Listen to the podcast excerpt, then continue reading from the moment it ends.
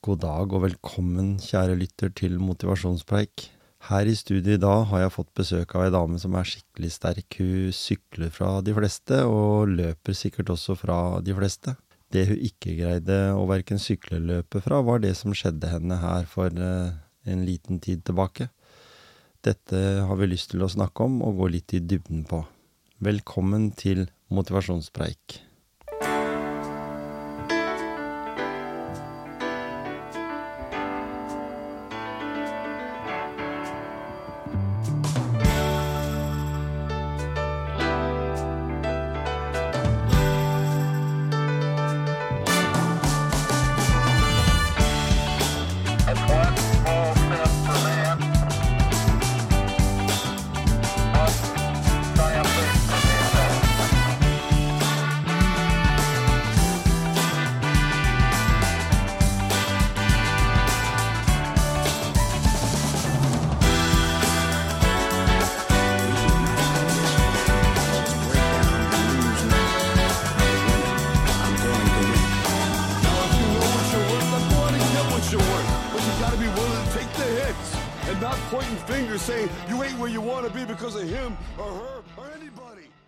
Ja, Anita. Velkommen til motivasjonspreik, da. Ja, tusen takk. vi har jo fått prata litt. Vi har fått prata litt. Allerede? Og jeg har vært hos deg før. Ja, to ganger. Ja.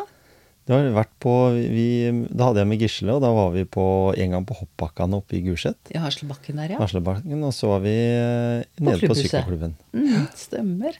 Og da hadde vi litt andre tema, for det temaet vi skal snakke om nå, det er å gå enda mer i dybden.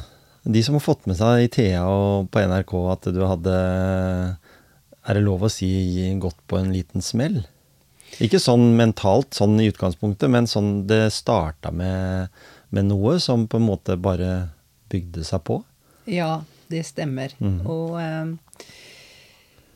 eh, det kom veldig brått på, eh, fordi jeg ikke ja, egentlig valgte å eh, ta meg en tur til legen. Eh, så drøyde det her ut, og så fikk jeg det veldig kraftig. For alle som kjenner deg, vi vet at du er en tøff dame. Du har vært med i 71 grader nord, og da dytta du opp eh, de du hadde med opp bakkene.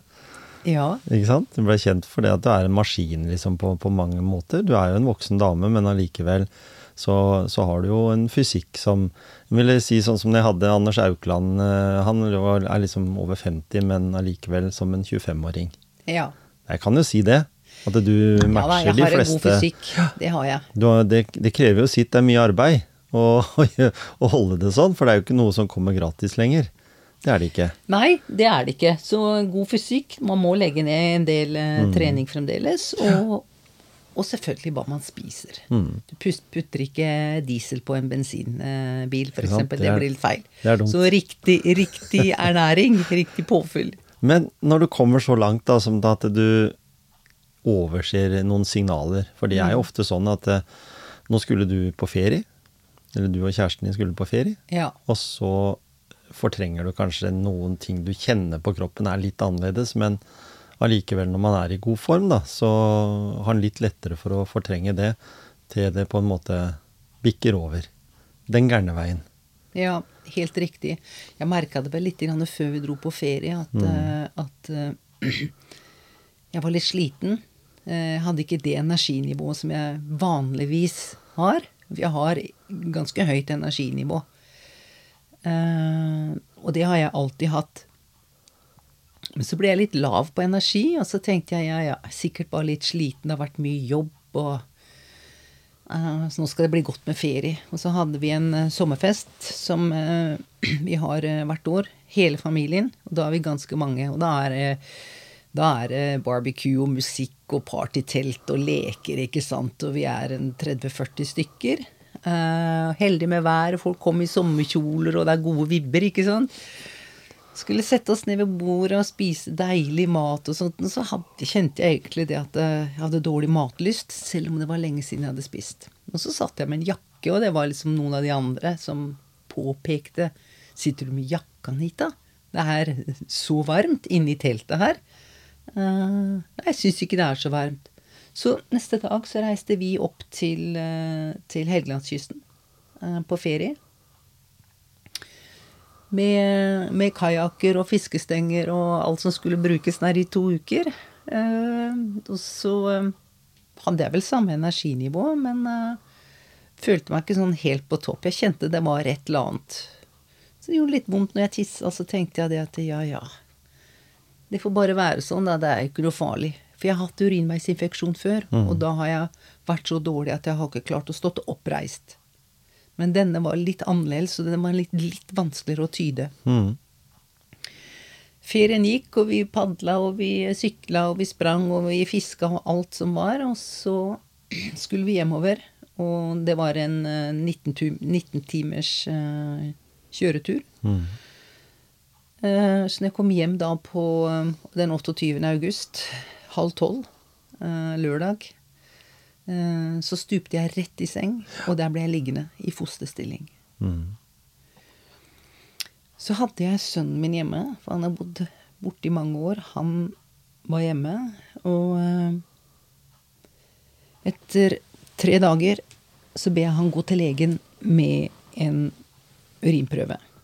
Og så sier jeg til han at kan du be legen sjekke om du har urin- urinveisinfeksjon.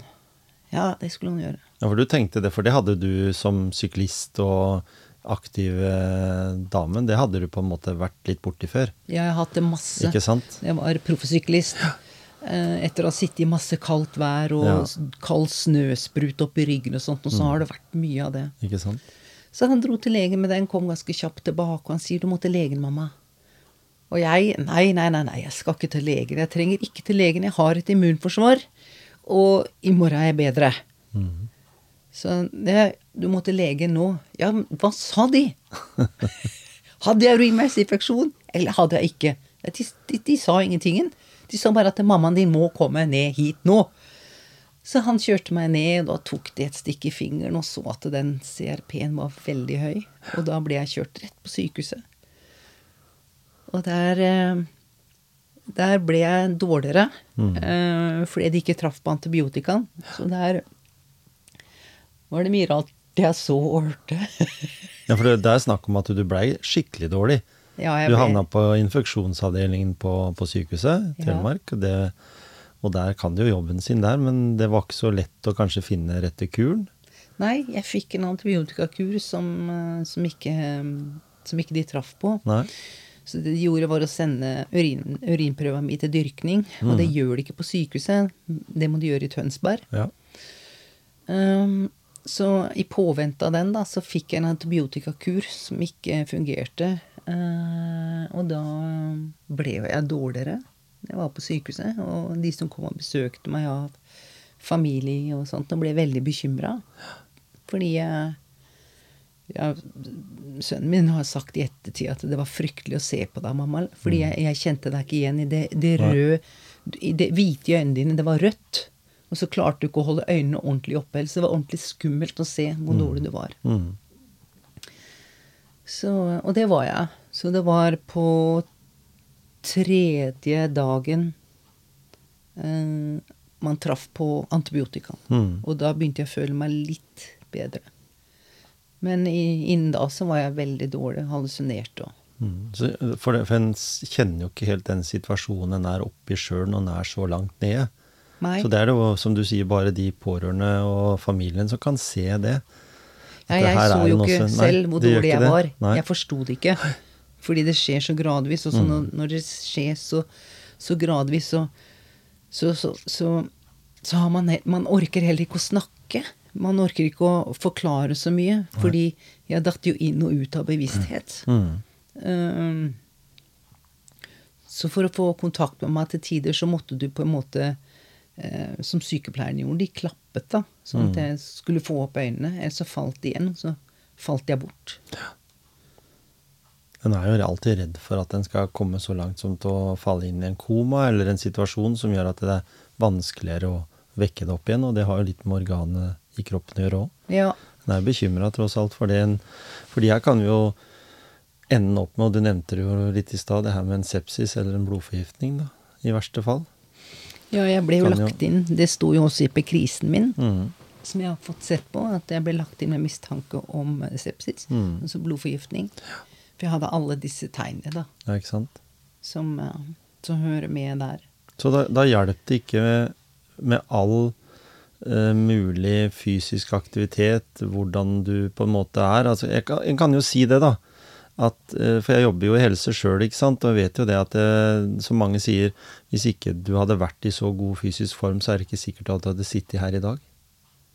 Nei. På en måte. Fordi Nei. du har på en måte en del sånne som du snakker om immunforsvar, og du snakker om funksjoner i kroppen som er sterkere Mm. enn det ville vært for en vanlig person som sitter mye i sofaen, eller som, som på en måte eh, har eh, overvekt eller andre ting. da, som, Selv om ikke det er noe sånn direkte tegn på det, men det er jo tydelig at livsstilen vår påvirker også hvor syke man blir. Så når du blei så alvorlig syk, så er det noe sikkert eh, veldig sannsynlig at du ville vært sinnssykt enda mye mer dårligere hvis, en, hvis du hadde vært en utrent og, og ikke vært den fokuserte dama du er. Det tror måte. jeg helt sikkert. Altså, dette var en, det, det var en nyrebekkenbetennelse. Mm. Eh, på kanten da til blodforgiftning. Eh, men dette, jeg har jo to kapitler i den saken her. Eh, fordi etter fem-seks dager på sykehuset så var min CRP på vei ned. Ja. Eh, så jeg ble sendt hjem, og da hadde jeg vel 160 CRP. Mm. Eh, så når jeg kom hjem Men da tok du, da fikk, tok jeg, du piller? Da fikk sant? jeg piller, ja. Ikke sant? Ja. Mm. Eh, og på sykehuset så fikk jeg da intravenøst. Mm. Så når jeg kom hjem, så merket jeg jo eh, at eh, jeg var veldig flat på energi. Er veldig flat. Jeg hadde dårlig matlyst, og energien min var på null. Men det som var så rart, det var at jeg kjente ikke igjen min egen stemme. Fordi den var så, det var så lite kraft i den, da. Mm. Eh, og så har vi en gang i året så har vi da en jentetur. Og vi kaller oss Kjerringlauget. Og det er mine beste venninner. Vi finner på et eller annet. Og vi er over, egentlig overalt. Noen ganger så er vi oppe i Vrådal, så er vi på Jomfruland, og nå skulle vi til Hvaler. Ja. Og der bor jo søstera mi, Monica. Mm. Så vi reiste til Hvaler, og jeg sier til min venninne at eh, jeg tror du må kjøre, for jeg er litt sliten. Jeg orker ikke å kjøre. Så vi kjørte. Tok båten fra, fra Sandefjord over til Strømstad og stoppa og handla litt på Nordby. Og, og dro til Hvaler og til Skjærhallen. Eh, kom på fredag, og alle jentene Det var reker, og det var kos, og de tok seg et glass vin. Og jeg, jeg bare kjente ikke for å ta noe vin. Jeg hadde Nei. ikke lyst på alkohol. Det bød meg så imot. Så på lørdagen så sto jeg tidlig opp, og jeg hadde lyst til å ta en joggetur. Så jeg var oppe halv syv, kvart på syv. Jeg skulle ut og jogge en tur langs kysten. Det er nydelig. Det er, det den lukta. Helt stille vann. Det går en sti langs, langs vannet der, innimellom mellom trærne. Og det var bare uff, Verden sover fremdeles. Jeg er helt alene her. Helt magisk. Hører kun din egen pust. Eh, og så tenkte jeg ja, det her var ikke noe å s- s- sk- skryte av den løpeturen her. Det var ikke 25-30 minutter. Men i hvert fall, da. Så hadde vi kommet tilbake, jentene hadde begynt å våkne, det var frokost, vi pakka sekken, og vi skulle på øyhopping. Og det var utover på alle de her øynene, og jentene sier 'Jeg syns du er litt skjør, Anita. Hvor er liksom energien din?' 'Nei, jeg er litt sliten', sier jeg. Jeg skjønner ikke hvorfor. 'Nei, nå må du spise'. 'Nei, jeg har ikke så lyst på mat og sånt nå'. Så vi var på øyhopping hele dagen. Kom tilbake på ettermiddagen, tidlig kvelden. Begynte å bli sånn litt grann mørkt. Så skulle vi grille. Vi trenger noe mer salat! Ja, men jeg fikser det, sier jeg. Jeg fikser det. Og jeg dro ut i garasjen, tok sparkesykkel. Elsparkesykkel. Ikke noe hjelm. Ingentingen. Og så tok jeg sånne smågater ikke sant, for å komme ned til butikken, og de var asfalterte. Eh, så tenkte jeg jeg må sjekke hvor fort den her går. Så var bånn gass ikke sant, på den her sp- sparkesykkelen. Og jeg bare fløyt bortover, og plutselig så ser jeg da et lite stykke i asfalten der hvor det var grus. Eh, Jeg slipper gassen og prøver å svinge utenom, men da vrenger hele forhjulet seg. Så jeg går rett i bakken. Jeg kjenner at jeg slår, og det skjer så fort. Jeg kjenner at jeg slår meg veldig i magen. Eh, og ansiktet. Eh, og når jeg reiser meg opp, så har jeg, jeg har sannsynligvis svimt av litt. Mm. For når jeg reiser meg opp, så står det en bil på hver side av meg. Sparkesykkelen er tatt opp og satt inn til siden. Og de spør meg ja, går det bra. Ja, ja, ja, ja, ja, sier jeg. Ikke sant? Jeg så vil ikke ha noe hjelp. Men jeg kjenner jo jeg har slått meg veldig. Så jeg orker ikke å dra på butikken. Så jeg set, tar sparkesykkelen igjen, gasser på og kjører tilbake. Litt rolig. Så kom, jeg, så kom jeg inn døra. Og der er jo de andre jentene i godt humør. ikke sant? Tatt seg litt vin, og det er musikk, og la, la, la, la, la, la. Jeg kommer inn. og sier, Ja, er det en salat, eller? Nei, vet du, jeg har, jeg har ikke fått vært på butikken siden jeg har slått meg så. Så sier søstera mi Nei, nå må du slutte, da. Du har vært proffsyklist i mange år og gått i asfalten så mange ganger. Nå må du slutte å klage. ikke? Så sier eh, en, en av de damene som var der, få se, da, en sykepleier. Og så drar jeg ned buksa. Og så sier hun oi, det der eh, Det der må sys, for det er dypt. Eh, og så sier jeg nei, nei, nei, nei. Det skjer ikke. Jeg skal ikke på sykehuset igjen. Og det, ikke sant, Etter å ha vært her på sykehuset i Telemark i så mange dager, så tenkte jeg jeg skal ikke på noe sykehus igjen. Eh, og så husker jeg ikke mer. Nei. Da, da svimer jeg av. Ehm, og det jeg husker i den prosessen her, eh, det er stemmen til søstera mi. Hun snakker til meg, og i mitt hode så har jeg svart henne. Men i ettertid så har jeg aldri svart. Nei. Vi har spurt henne. Jeg sa jeg hørte stemmen din, men jeg svarte deg nei, du har aldri sagt noen ting. Så de får ikke kontakt med meg og ringer 113. Ehm, og der kommer jeg på et kamera. Hvor da de ser situasjonen an og ser den som ganske alvorlig, og bestiller luftambulanse. I påvente av det så kommer brannmannskapet. Eh, for de finner ikke puls på meg. Så de starter med hjertekompresjon. Eh, og når ambulansen kommer, så får vi beskjed om at eh, luftambulansen ikke kan komme, for det er så mye tåke. Så jeg blir Jeg kommer inn i ambulansen. Um, og ja, noe mer husker jeg ikke. Nei, ikke. Eh, altså, jeg husker jo ingentingen. Nei, men det har blitt Eh, fortalt. Men det har jeg blitt fortalt. Ikke sant? Så når jeg våkner på sykehuset, eh, så er jeg Jeg er kobla på Jeg har så mye ledninger på meg, og eh, og, så, og så må jeg på do, og så klarer jeg ikke å jeg, blir, jeg må jo ringe og må på do og bli kobla fra alt det her og kjenner at jeg klarer ikke å tisse. Fordi at jeg har slått meg så i magen. Det er så sårt. Mm. Så det var eh, Det var eh, ganske spesielt og, og skremmende. Eh, Når jeg våkner, så står venninna mi der. Haldis og søstera mi Monica. Og de har fått beskjed om å snakke med meg eh, og spørre meg om en del ting. Mm. Eh, Fordi de hadde mistanke om hjerneskade. Um, og det var et eller annet Monica sa, liksom. Og så Hun skjønte jo kjapt det at, at nei, her, her er det ikke noe gærent. Så sykepleieren sa når jeg reiste at du har hatt hell i uhell. Mm. Så jeg har hatt tydeligvis et veldig, veldig lavt blodtrykk. Mm. Um, så, men nå er stinga tatt i magen, uh, og uh, energien er tilbake. Ikke fullt så mye som jeg hadde.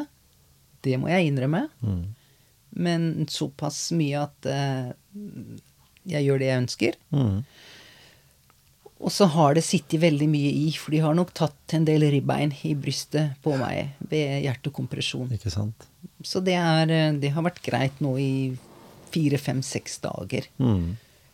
Men det har vært mye vondt. da. Det har vært vondt å puste, det har vært vondt å kremte, eh, sove. Men, men du har en høy smerteterskel sånn i Ja. utgangspunktet? Ja. Så det har du nok sikkert hatt også i den situasjonen der du detter på den sykkelen Ja. og slått deg skikkelig kraftig, mens andre ville ha hylt av smerte, så har du fortrengt den smerten. Som søstera di sa, du har jo dettet på sykkel før. Ja, ja. Eller, og sånn i utgangspunktet, alle vet jo, de som har fulgt karrieren din, at du har jo tryna noen ganger, hvis en kan si det på den måten. Ja, ja, masse. Og skada deg skikkelig, liksom. Eh, og da har du nok sikkert en smerteterskel som er sånn at eh, Men til slutt så kobler altså kroppen av sjøl. For den, du greier ikke sjøl, så da må den gjøre det. Ja, og det var Eh, nok det som skjedde i mm. For jeg forsto ikke hvorfor Nei. jeg svima av. Nei, ikke sant? Men jeg kom jo tilbake med med, med blodige albuer. Eh, For jeg hadde jo bare på meg en sånn tynn sånn Tur Norrøna-bukse. Ja. Og en sånn veldig tynn T-skjorte.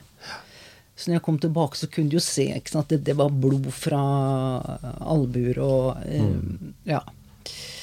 Eh, men det gikk liksom greit. Det gikk greit. Det gikk ja, greit. Jeg tåler den smerten, men så kobla det bare ut, da. Mm.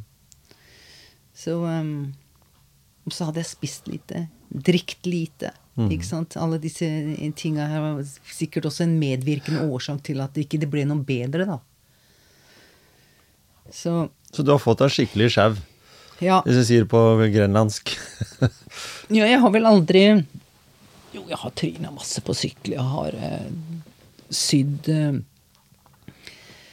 Jeg har sydd eh, nesten 50 sting i ansiktet og hodet mitt, og det er eh, fingre, og jeg har slått ut tenner, og det er bein, og det er, det er masse det er, det, Jeg har skjært skåret ut flere hematomer, og de er stygt sydd igjen. Ja. Men, men allikevel, da, så tror jeg sånn mentalt så var du sikkert i en modus der da som du jaga etter medaljer, ikke sant? Det var noe, noe som dreiv deg da. Nå er du jo i en sånn type normalsituasjon, og så Ja. utsetter du deg sjøl for, for det. I tillegg til at du nok kanskje hadde La oss si vi har, i disse elbiltider da, bare lada 40% da, batteriet før du dro på den turen. Så tenkte du kanskje at den turen skulle lade deg opp til 100, men du fikk, Ja. ikke, du fikk jo ikke til det, da. Du, Nei, nei, jeg kjente jo at batteriet ikke var lada på den turen. Men, men jeg har jo gått gjennom livet, og det gjør jo alle mennesker. Mm. Eh, og går løs på prosjekter også med et ganske redusert batteri, da, Ja. for å si det sånn. ikke sant? Man kan ikke alltid gjøre løs på ting. Og gå på jobb med fullt batteri, gjøre det med fullt batteri. ikke sant? Man har eh, perioder i livet, og jeg har vært, det har vært jobben min i mange, mange år å å utført ting med et redusert batteri. Uh, og det, sånn har det bare vært. Det var en som sa til meg det at eh, selv på en dårlig, dårlig dag så skal du kunne klare å prestere. Det vil med andre å si, selv med et redusert batteri, så skal du klare å, å, å, å, prestere. Eh, så man blir så, man blir så hard i hodet, ikke sant? Så hodet, hodet har jo vært for meg liksom Ok, jeg skal det, det, det. Kroppen, du har bare å følge. Jeg bestemmer. Du må følge. Vært litt dårlig til, til, til å høre etter, da. Og så Ja, er det litt sånn med, med, med oppvekst òg, da. Altså, jeg har aldri hørt min mor eller far klage. Nei. Aldri, jeg aldri, kan ikke huske de har klaget. Eh, da har du deres foreldre igjen, ikke sant? Den generasjonen der. Hardt arbeid, gardsarbeid. Sju-åtte unger var de. Pappa dro til sjøs som 15-åring, ikke sant? Det var ikke, sant? Det var ikke sånn at åh, vondt her, vondt der, orker ikke. Det var ikke noe sånt. Nei. Så får jeg det da, eller vi får det da av mine foreldre. Ikke sant? Tidlig selvstendig. Og, og, og, det er også en av de tinga som jeg har begrunnet uh, for at både jeg og Monica ble så gode idrettsutøvere, det er at vi ble eksponert for smerte eller utmattelse i en tidlig alder. Vi har vokst opp mye uh, på fjellet, vært der på hytta, lange skiturer fra vi var bitte små. Så vi visste på en måte, vi kjente den følelsen av at det, hvordan det var å bli sliten. Og du, du kunne ikke legge deg ned i snøen oppe på Hardangervidda og si 'jeg gidder ikke å gå mer'. Nei, men da gikk de fra deg, da. Du ville ikke bli liggende i snøen aleine. Du gikk og gikk og gikk. Det var liksom den kulturen. Så du ble vant til det. Men, men allikevel da, så har det jo de, de som er vokst opp eh, på samme sted, som har kanskje et helt annet forhold til det med den skituren, da. Som har det som dårlige minner, dette her med å bli dradd opp på en fjelltopp på bakglatte ski. eh, der du ikke har noe som helst eh, motivasjon for å komme opp. Det må, det må jo være en ulik måte å håndtere det på.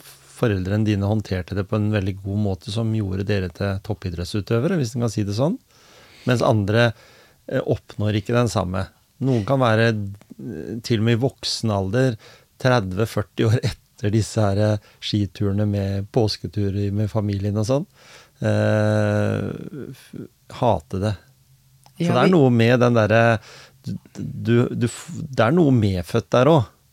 Det, det må være noe medfødt også. Det er noen gener som, som på en måte dere har vært heldige og fått eh, for å bli toppidrettsutøvere. Og så kunne mange andre si at ja, men herregud, det er nok det jeg har fått. ikke sant? For vi er jo ulike som mennesker. Men, men dere var heldige å få det eh, inn med injeksjonen allerede fra dere blei født.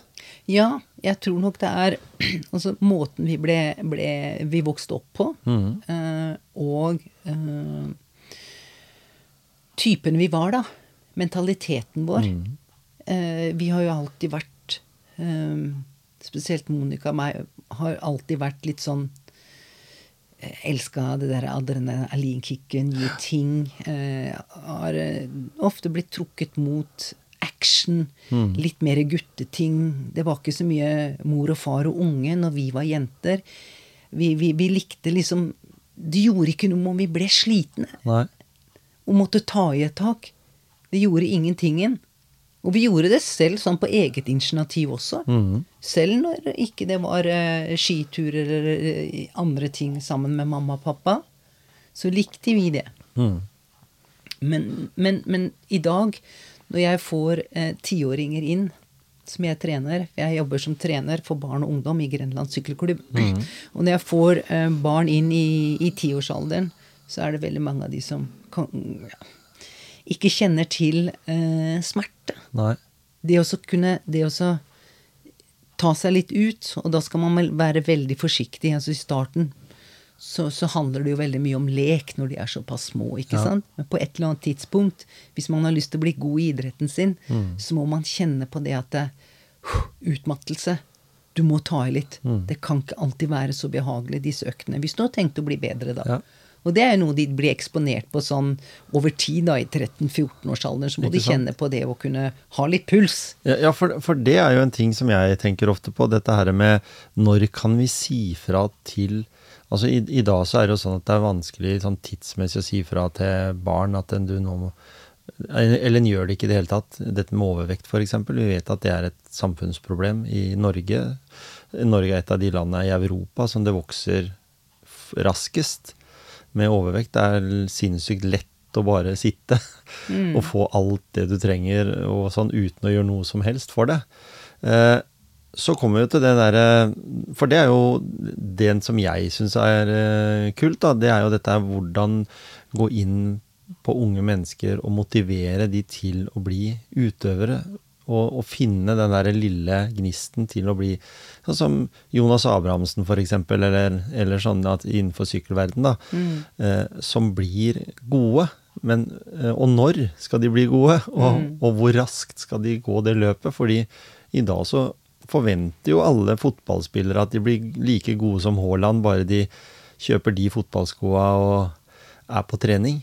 Men det er ikke så enkelt. Det er ikke så lett å Det hjelper ikke bare å sykle i Gjerpensbakkene eh, to dager i uka hvis du har lyst til å bli profesjonell syklist. Nei, det å bli en eh, Det å bli eh, Nå har jeg jobba på eh, toppidrettsgymnaset Ja. i, i ni år. Og det som skiller eh, eh, de som blir gode, fra de som ikke blir gode, det er at de har noe ekstra Ja. som ikke alle andre har. Og det er ofte det at de er veldig nysgjerrige, eh, løsningsorienterte. Altså de søker kunnskap. Hva kan jeg gjøre? Hvordan kan jeg leve for å bli enda bedre? Ja. Hva kan jeg spise? Hva kan jeg gjøre sånn alternativtrening? Eh, hvilke podkaster kan jeg høre på? Hvem kan jeg høre på som motiverer meg? Det er veldig sånn søkende da, på eget initiativ. Og det ser jeg også veldig tydelig, hvem som har det lille ekstra, kontra de som ikke har det. Ja, ikke sant? Eh, og eh, ja Det gjelder jo ikke bare sykling, det. Gjelder Nei, nei, nei, nei, alle nei, nei, det gjelder alt. Ja, og så skal du bli god, så må du være villig til å legge ned tid. Ja. Du må ha is i magen. Og, og det er ikke noe quick fix. Nei. Enten du er en entreprenør, eller du har lyst til å bli en, en, en, en idrettsutøver i, i toppklasse. Og man kan jo gå inn og se på, på, på mange gode eh, idrettsutøvere, hva slags oppvekst de har hatt, eh, og, og, og hva de gjør eh, som utøvere nå. Ikke sant? Og så går man inn og ser på ja, mange av de kanskje beste be- fotballspillerne, så har de drevet med mye løkkefotball. Ja. Eh, Haaland, hva gjør han da? Altså, Drikker han noe vann som kanskje er litt uvanlig, Ja, ja. eller filtrerer det? Spesielle briller som mener det er bra for han. Spesielle briller. eh, yoga. Ja. eh, altså det er, ikke sant? Som andre kanskje ville fnyse av, da. Men jeg sier alltid det at eh, alle disse småtinga over tid utgjør en stor forskjell. Mm. De utgjør kanskje ikke så mye på en uke, men hvis du tenker har et lang, langtidsperspektiv på å bli bra utøver, og ta med deg sånne småting i hverdagen, så vil, vil, vil, det, vil det bli massivt over Mm. tid. Men, men kan det være usunt uh, å se på alle de som er så sinnssykt rå allerede fra 16-17-årsalderen, for den som kanskje blir utrolig god når han er 22? Utålmodighet og, og se at det, hvorfor han og ikke meg? Det er sikkert veldig lett å gjøre det, men sånn som uh, unge mennesker, de er også veldig eh, forskjell på om de er tidlig pubertert eller sein pubertet. ikke sant? Og du kan få Jeg har sett utøvere som er kjempebra i 15-16-årsalderen, for de har kommet Mm. i, i, i en tidlig pubertet, mens de andre har jo ikke er- Nærmer seg ikke.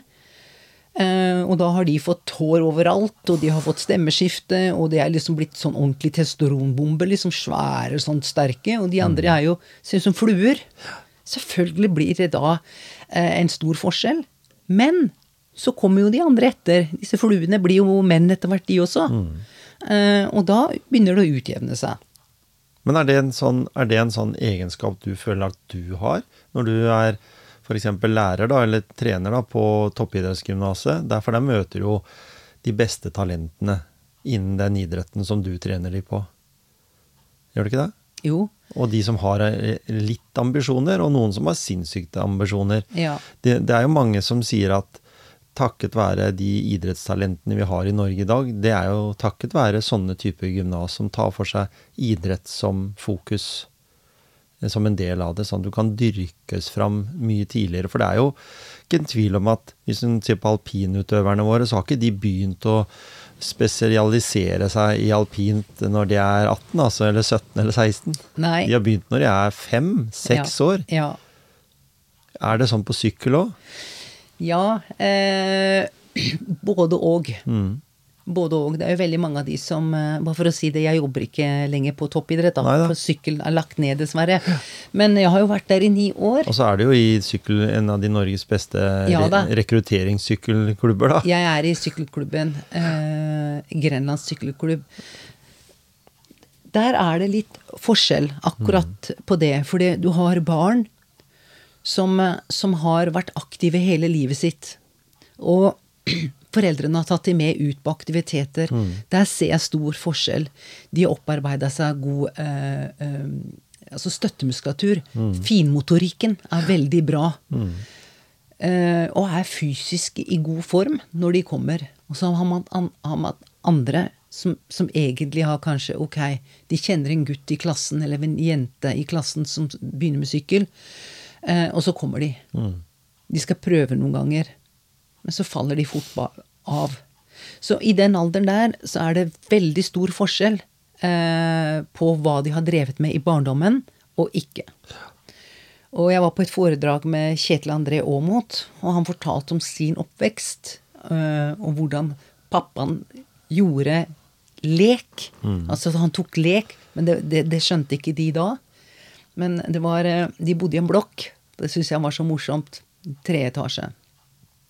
Så når, søstrene skulle på skolen, når de kom ned, så måtte de stå på utsida. Faren sto i vinduet. Og da, da sier han ok, nå er det fem pushups. Så da lå de på bakken der, utafor den blokka her, med sekken på ryggen og kjørte fem pushups. Han fortalte hva ville naboen, hva tenkte naboene, liksom. Og så var det neste dag så var det seks pushups, og, det var og de mestra det. Det var, kjempe, det var sånn han gjorde, da, med, med de, ikke sant. Og fikk det til på en måte Det var aktivitet, men det var også, det var også mestring. Og, og, og gøy, ikke minst.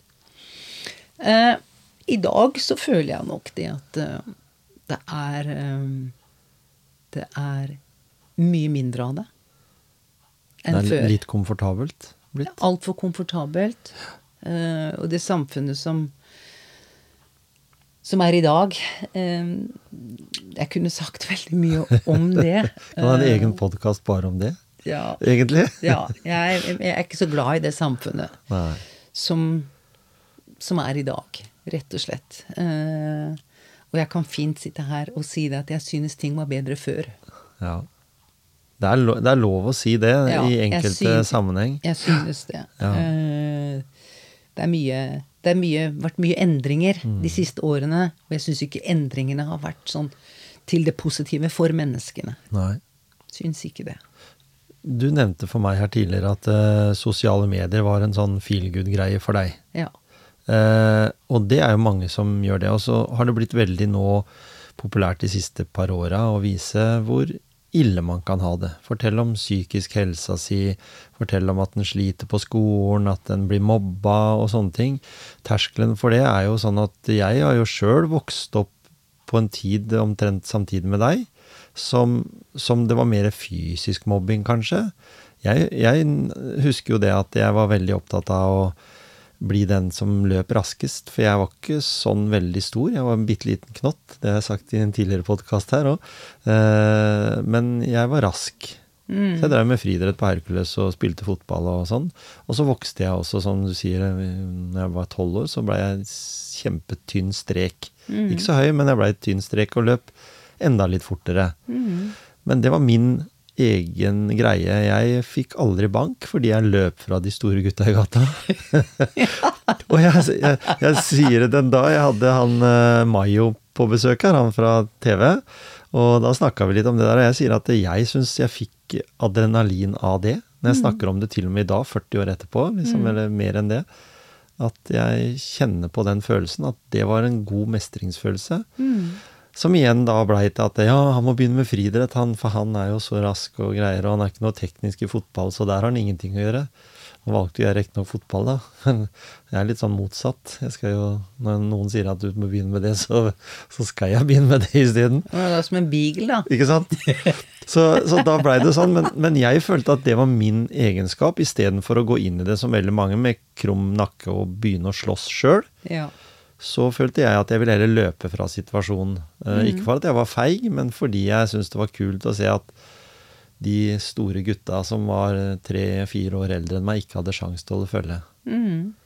Så, så, så, da, så da føler jeg at da har jo ikke jeg følt sånn fysisk på kroppen annet enn at jeg var- blei god til å løpe, da. Eh, Så har ikke jeg følt sånn fysisk på kroppen hvordan det er å bli skikkelig mobba, fordi jeg holdt meg unna den situasjonen. Mens mange andre i dag så lett sitter i den situasjonen, for vi har sosiale medier, vi blir bombardert med ulike typer chatter, funksjoner, der alle er med, eller ingen får være med, og det er sånn utestengelse. Det er helt, helt andre ting. Det var jo mye mer fysisk når vi vokste opp på 70-80-tallet. Eh, på godt og vondt, da, men, Ja. men mest kanskje på, på godt fordi eh, en blei litt mer kjent med omgivelsene sine. Her nå Ja. kan du jo Vi kan logge oss på mobilen og se hva som Den siste bomba som falt i, i, på Gazastripen, liksom. Det kan vi se nå. Live. Det er helt- ting, det påvirker jo veldig mye unge mennesker også, Ja. å se hvordan konfliktene er inn i Sverige, f.eks., og så påvirkes man av det. Og han der var egentlig litt kul fyr, han som torde å gjøre det. Og så har jeg lyst til å gjøre det også. Sånn, en tøyer liksom den strikken litt, kanskje litt av kjedsommelighet òg. Ja, én ting som du nevner, altså man, man ble bedre kjent med eh, omgivelsene før. Men jeg tenker det som er Det som eh, lekker i dag, egentlig, det er jo eh, å bli kjent med seg selv. For du snakker om sosiale medier, og der sitter jo veldig mange unge mennesker, og de følger bloggere eh, eh, som, som, som er Ja. De er i en alder hvor de kanskje ikke kjenner seg selv. Ja. Og så har du en blogger som forteller de om det og det og det, og så, så hiver de seg på det, og så Uten egentlig å kjenne etter selv, men er det det jeg tenker? Er det det jeg mener? Er det virkelig sånn jeg også føler at det skal være? Så man, man Den derre eh, det, det å så åpne den glidelåsen i brystet sitt, Ja. og så ta et dypkikk i seg selv, liksom. Hva, hva føler jeg? Hva kjenner jeg på? Hva er riktig for meg? Jeg tror det er veldig mange som misser det, og ikke kjenner på det, men man følger bare. Og så blir man egentlig ikke sin beste versjon, eller sin ekte versjon Nei. Av hva man kunne ha blitt. Fordi man blir så påvirka av sosiale medier og andre eh, som, som, som tilsynelatende ser veldig vellykket ut. Og de som tror det at det er alle som poster ting, eh, er vellykket. Det er ingen menneske, verken du eller jeg eller noen andre i hele verden, som har bare glansdager hver eneste dag. Vi har også dårlige dager. Vi har også dager hvor vi kanskje ikke har lyst til å stå opp. Men kanskje da, noen dager som vi kjenner på det at Hvorfor er jeg litt nedstemt i dag? Det har jo ikke skjedd noe. Men det er en del av livet. Ja. Å kjede seg litt. Å kjede seg litt, og ikke tenke det at åh, hvorfor kjenner jeg ikke på den gleden i dag, liksom? Uten at det behøver å være noe, og så er det over neste dag igjen. Eller kanskje senere på dagen. Men når, når du sier det, da, i forhold til det, så, så er det jo én ting som ofte er i debatten, det er jo det med legning. Vi har jo ulike legninger i dag, Ja. eh, flere Ja. enn vi hadde når vi vokste opp. Eh, og du sier jo det at det, du og søstera di dyrka veldig mye eh, mann, altså maskuline ting. da. Ja, dere likte det og gjorde de tøffe tinga. Ja. Men når du ser på deg, så er det jo liksom Du, lik, du har en kul veske, du har hatter, du liker den feminine stilen. Så det er jo ingenting Men, men allikevel så kunne du jo fort ha sagt at eh, Ja, men eh, Anita, du, du er jo litt mye gutt, du, da. Med den Du matcher jo guttene på det meste, så, Ja. så hvorfor Kan det være nok til at en person i en sårbar alder, 14-15 år, blir litt usikker på seg sjøl? Eh, Sånn som samfunnet er i dag, liksom. Åpenhet. Du, du, det er nesten noen som nå kritiserer at en skal ikke begynne å diskutere legning med barn helt ned i barnehagen. nei. Og jeg har hatt med en som heter Robin Bratteli tidligere, som har skifta kjønn. Og han sier jo det at det, fram til han var 16, så var det ingenting som ingen som sa, for han var jo jente først, ikke sant, at han eh, Om han gikk med bukser eller ikke, men da han blei 16, så blei det plutselig sånn Nå må du kle deg som en jente, liksom. Nå må du slutte å gå som en gutt. Så han skjønte ikke Det var ikke noe problem for han eller miljøet han vokste opp i, om han var litt eh, guttete som jente. Eh, som Malin var vel han het, ja. Og sånn. Mens når han blei 16, så var det liksom nesten så det bikka over til sånn, nå må du ta en beslutning på om du er gutt eller jente, nesten. Og da begynte han å bli usikker, og fikk mange gode venner som backa han opp. Men allikevel, der kommer du liksom i en sånn situasjon der kanskje en finner ut at det, det var jo greit å være jente òg, liksom, men så har han gått igjennom et løp da, som ikke er så bra. Mm. Er, er vi, er vi unge, unge mennesker i dag eh, veldig sårbare og utsatt til? Jeg sier igjen det der med at eh, vi vokste opp her. Du vokste jo ikke så langt unna meg opp, i et beskytta område der vi nesten ikke var i byen engang, fordi vi levde bare i gata. Mens i dag så skal vi jo liksom leve langt utafor de grensene som, som er oppnåelige, egentlig. Blir en litt sånn Kan en bli veldig lett påvirka? En annen person som du, ser, som du sier ser vellykka ut. Sånn har jeg lyst til å bli òg. Ja, jeg tror, jeg tror det. eh, Jeg satt faktisk og diskuterte det med kjæresten min i, i går. Eh, og da, da nevnte jeg det at hvis det kan være én ting som jeg synes har vært veldig ødeleggende for vår tid, så må det være internett. Samtidig så har det jo eh, en, Altså, det, det er kjempepositivt. Mm. Det at man nå slipper å sitte og skrive brev og gå på posthuset og, få, og så sende det med posten. Eller lese leksikon. Ja, ikke sant? Men Ja. samtidig så tror jeg det har gjort også veldig mye, mye dritt. Det har gitt oss mye dritt. Det har gitt oss mye eh, dårlig mental helse hos mennesker. Og jeg tenker Hvorfor er mennesker så veldig ensomme? Når det finnes så mye mennesker egentlig der ute som, som, som, som, man, man kan ta kontakt med.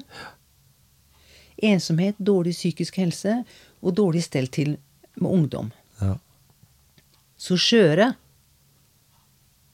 Og det, jeg vet ikke hvorfor man er blitt så skjør, men jeg tror i hvert fall ikke eh, eh, det med internett og alt de følger, eh, gjør dem noe no, no bedre. Nei. I hvert fall kanskje den mest utsatte og sårbare gruppen. Du har jo unge mennesker som er veldig bestemte på hva de ønsker. Og havner i et veldig godt spor med gode miljøer, og ikke så opptatt av det. Men jeg tenker det at det, idrett Får du barna dine inn i idrett, så har du større sjanse for at de eh, kanskje får en litt bedre mental helse, og også fysisk helse, Ja. enn en de som ikke har noen ting å gjøre. Ja, også, som henger også- på et kjøpesenter, eller bare ute i gata, bare på telefon. Og da, og da kan du også ha dedikerte foreldre òg. For i dag så er det jo veldig mange foreldre som dyrker seg sjøl Ja. veldig høyt. Ja, ja. Uh, og, og det er jo En kan jo se det at en skal trene, og en skal ha full jobb, og en skal ha fin bil og hytte på fjellet, og, og båt ved sjøen og hytte ved sjøen. Det, det er liksom så Det er liksom så en sånn høy statusgreie. Du skal liksom ikke bo i rekkehus lenger når du er 30. Du skal ha et svært hus. Det er en helt annen Vet du hva? standard. Jeg har, jeg, jeg, jeg, og det gjør jeg fremdeles, Tom. Jeg stopper opp, og det har jeg gjort i mange år. Jeg bor, jeg bor i en helt enkel eh, rekkehusleilighet Ja. og trives veldig godt der, for jeg bor veldig nære skogen. Mm. tar meg tre minutter å løpe til skogen. Det er perfekt. Men jeg stopper opp av og til. Og så har jeg en metafor som jeg ofte bruker, og det er at jeg står på utsiden og så ser jeg inn i et glasshus. Og dette glasshuset, det er samfunnet. Dette er verden. Og da ser jeg alle mulige scenarioer. Så tenker jeg, er det ingen mennesker inni det glasshuset der, med forstand, som ser at dette er helt vilt? Helt spinnvilt? Hvor er, det, det har jo ingenting av verdier. Dette, hvor er det blitt av de menneskelige verdiene? Det er fokus på så veldig mye annet som ikke har egentlig med jeg tenker, Ta fra de alt, plasser det ut i skauen, og la de føle virkelig på Ja. hva som er virkelig verdier. Hva er viktig i livet? Hva er viktig? Den edle kunsten å gi faen.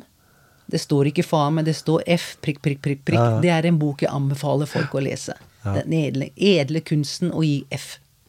Fantastisk bok å lese. Og den tar deg med fra starten av og virkelig forteller deg at det, det, det er det som er viktig i livet. Ja, ikke sant? Ja. Ikke at du kjører i den bilen, har blank takstein på huset, eller eh, fancy klær, eller eh, vipper eller lasher og facelift og Nei, vet du hva? Det er Man er helt på feil spor. Ja. En, en blir Noe av det beste jeg vet, det er å våkne ute i skogen i et telt eller ved et, sjø, ved, ved et vann. Opp med glidelåsen, ta på primusen og høre Sette kaffen på, stillheten og få en kopp kaffe i stillheten og bare høre fugler og se ut i naturen. Da lever du da, Tom. Men, da lever men hvor du. langt eh, må du dra for å gjøre det? Du behøver ikke å dra så langt, eller? Kan, du, kan du dra opp i marka opp mot Åletjern og så leve, leve den uh, urbane, eller den, den naturversjonen der av deg sjøl? Jeg gjør det på verandaen min. Ja.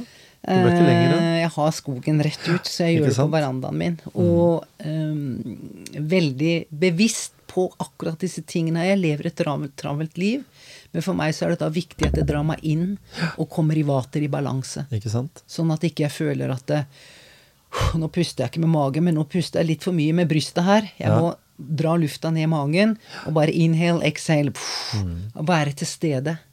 Og, og du, men du har, en, du har en veldig positiv energi. Ja. Du liker å motivere andre. Eh, du jobber nå for å på en måte egentlig bare få et papir som sier at eh, du nå kan være en fagarbeider, var det ikke sånn? Jo, helsefagarbeider. Ikke sant? Eh, en bekreftelse på noe du egentlig har holdt på med hele livet ditt. Å motivere og, og på en måte behandle andre mennesker, da, hvis en kan se det på den måten. Du har en masse kompetanse eh, som du kan bruke når du den dagen du kan gå rundt og Du kunne jo gjort det i dag òg, men det er liksom på en måte Hvordan er følelsen din med den bekreftelsen av å få da etter hvert et fagbrev? Er det en bekreftelse på at ja, jeg vet at eh, så god har jeg bestandig vært, og nå får jeg bare det fagbrevet? For vi, vi snakker jo om Jeg mener at fagbrev er litt sånn undervurdert. Fordi vi snakker jo om at det samme fagbrevet har elektrikere og rørleggere og snekkere og andre som får en god anerkjennelse på det. Men som en helsearbeider så Hvem som helst kan vel ta fagbrev som helsefagarbeider. Men du får jo med deg en hel del annen bagasje, tenker Ja. jeg, som du har hatt gjennom livet ditt. Ja, eh, jeg har landet på det, og det gjorde jeg for mange år siden, at, eh, at eh, jeg vil jobbe med mennesker. Eh, fordi jeg liker å se resultatet av å kunne jobbe med mennesker. Eh, og da må jeg være rundt mennesker, jeg må snakke med mennesker. Eh, og jeg må være ikke minst et forbilde også Ja. eh, for mennesker. Og jeg har, har, har rett og slett bare det i meg at det skal jeg gjøre. Jeg har jobba med eh, barn og ungdom i veldig mange år. Masse fine historier. Eh, og så har jeg lyst til å bevege meg også inn i, i eh, de voksne. Ja. Og kunne hjelpe de. Og, og, og voksne mennesker, også eldre mennesker. Masse historier. Fantastiske historier. Jeg satt og hørte på en dame. Hun, var, eh, hun hadde opplevd krigen. Og hun fortalte meg da om, om, om den dagen hun var i Oslo og hørte flyene komme inn. Flyalarmen alarmen gikk. Ikke sant? Eh, og for, altså, disse historien, historiene eh, som grep meg så voldsomt. da. Og det å kunne sitte og prate med eldre mennesker, deres liv, hva de har opplevd, syns jeg er fantastisk. Ja. Og så har jeg de unge som jeg jobber med, Ja. som er litt sånn mer yo, yo, yo, yo, yo, ikke sant? Og så kommer jeg inn og så sier jeg, nei, sånn kan du ikke snakke. Hvis du skal søke jobb, så må du snakke ordentlig. Du kan ikke komme inn der what's up, what's up, what's up? Nei, nei, nei. nei. Men, men, når du, men- det som er interessant, det er jo når du For jeg har jobba en del med eldre mennesker, og jeg. Det er at du kan faktisk motivere eldre mennesker, selv om de er 85, 80, 90 år. Eh, fordi livet er jo verdt å leve om det er en dag, uke, måned eller år du har igjen å leve, da. Har ingen, vi har ingen garantier, noen av oss. Det kan jo du fortelle om, som du snakka om her med, med din uh, uforsiktighet som gjorde at Ja. du Ja, ja. eh, havna i den situasjonen. En, en uh, liten, liten millimeter fra å kanskje ikke ha sittet her i dag, hvis en ser så ille på det. Ja. Det er bare fordi du har hatt flinke folk rundt deg og sånn, fordi den situasjonen der var du ikke i stand til å takle sjøl. Tenk da på alle de eldre menneskene der som får en ny sjanse i livet ved at de får beskjed om at ja, det her, dette her var f.eks. et slag, men du har kommet deg veldig raskt. I løpet av to-tre dager begynner jo mange å gå igjen, og, og de har kanskje ikke mista språket, så de har ikke de verste tinga med seg på veien. Og noen lærer veldig fort, og har en lærevillig hjerne også. Eh, og det er jo litt interessant da å jobbe med de menneskene, fordi motivasjon, det går man aldri lei av. Jeg vet hva, jeg gleder meg så. Nå er jeg jo på utkikk etter en, en, en, en, en praksisplass Ja. på et sykehjem eh, før jeg skal ta eksamen. Og jeg, og jeg har allerede danna meg tanke hva jeg skal gjøre. Det kommer litt an på hvem de er, eh, hva de kan fysisk. Men jeg har liksom sett for meg mange scenarioer som jeg har lyst til å gjøre med disse eldre menneskene her. Ja. Quiz, trening, eh, eh, eh, sang, og, ja, og, og, eh, er det piano der, vil jeg spille for de? Og kanskje litt dans. Altså, jeg gleder meg så utrolig, liksom. Fordi jeg, jeg vet det at de kommer til å blomstre. Ja, jeg ser frem til det her. Virkelig. all moderne helsefokus eh, vil jo eh, applaudere akkurat det du sier der. Så en må jo håpe at, At, den, at du kommer inn et sted, og, i hvert fall når du har fått fagbrevet ditt, også får en jobb et sted der du kan krydde hverdagen for de menneskene som Da skal vi ha musikk fra meg. Ja. og da skal jeg ha med meg keyboardet. Jeg har fått nytt keyboard. Ja. Og så skal vi ha musikk og glede. Eh, og de som danser, vil danse, skal få lov til å danse. Og det skal bli få lov til å servere et glass sherry. Det høres veldig bra ut. Ja. Veldig hyggelig å prate med deg, Anita. Vi, vi kunne sitte her i timevis og bare dratt opp og dratt opp elementer Ja, vi har sittet sittet her i lang lang med- tid. Ja, ikke sant? Så, så da sier jeg tusen takk for at du kom og fortalte historien din, den, den nyeste historien. Eh, kan du si noe helt på slutten eh, hva du tenker at det andre som kommer i sånn situasjon som deg, da, bør gjøre? Det, det sier seg sjøl. Ta, Ja. Ta den første telefonen mye Ja. tidligere, kanskje? Ja, altså jeg, Før vi avslutter, så vil jeg gjerne uh, si det at uh, dette ga meg uh, Dette skremte meg. Ja. Og det som skremte meg veldig, det var det som skjedde i etterkant. Fordi når jeg var syk, så forsto jeg ikke hvor syk jeg var. Men når jeg kom hjem og, og hørte på telefonen min, så var det en, eh, en, en beskjed på, på, på telefonsvareren min. Og den dagen det her skjedde, hvor jeg var hos søstera mi på jentetur Jeg var på vei til sykehuset i ambulansen. Monica skulle pakke en bag for meg som hun skulle ta med på sykehuset. Og hun leita etter telefonen min, og den kunne hun ikke finne. Så hun ringer min telefon.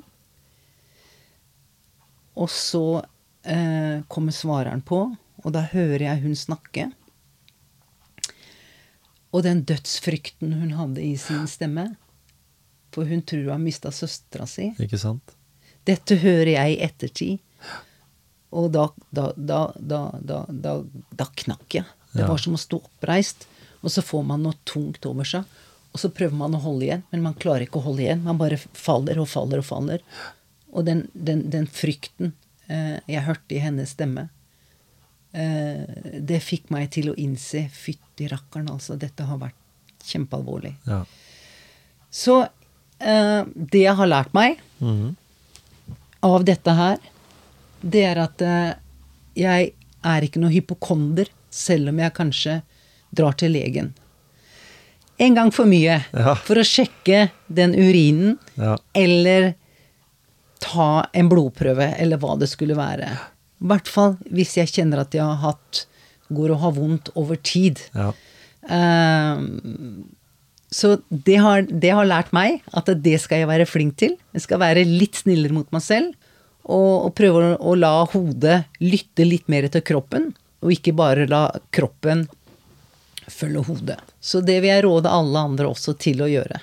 Og tenke litt som at eh, du tar service på bilen. Ja, Men det trenger vi også som mennesker. vi gjør det. Tusen takk for en motiverende preik. Ja, takk for at jeg fikk komme. Alltid hyggelig å være her. Så bra.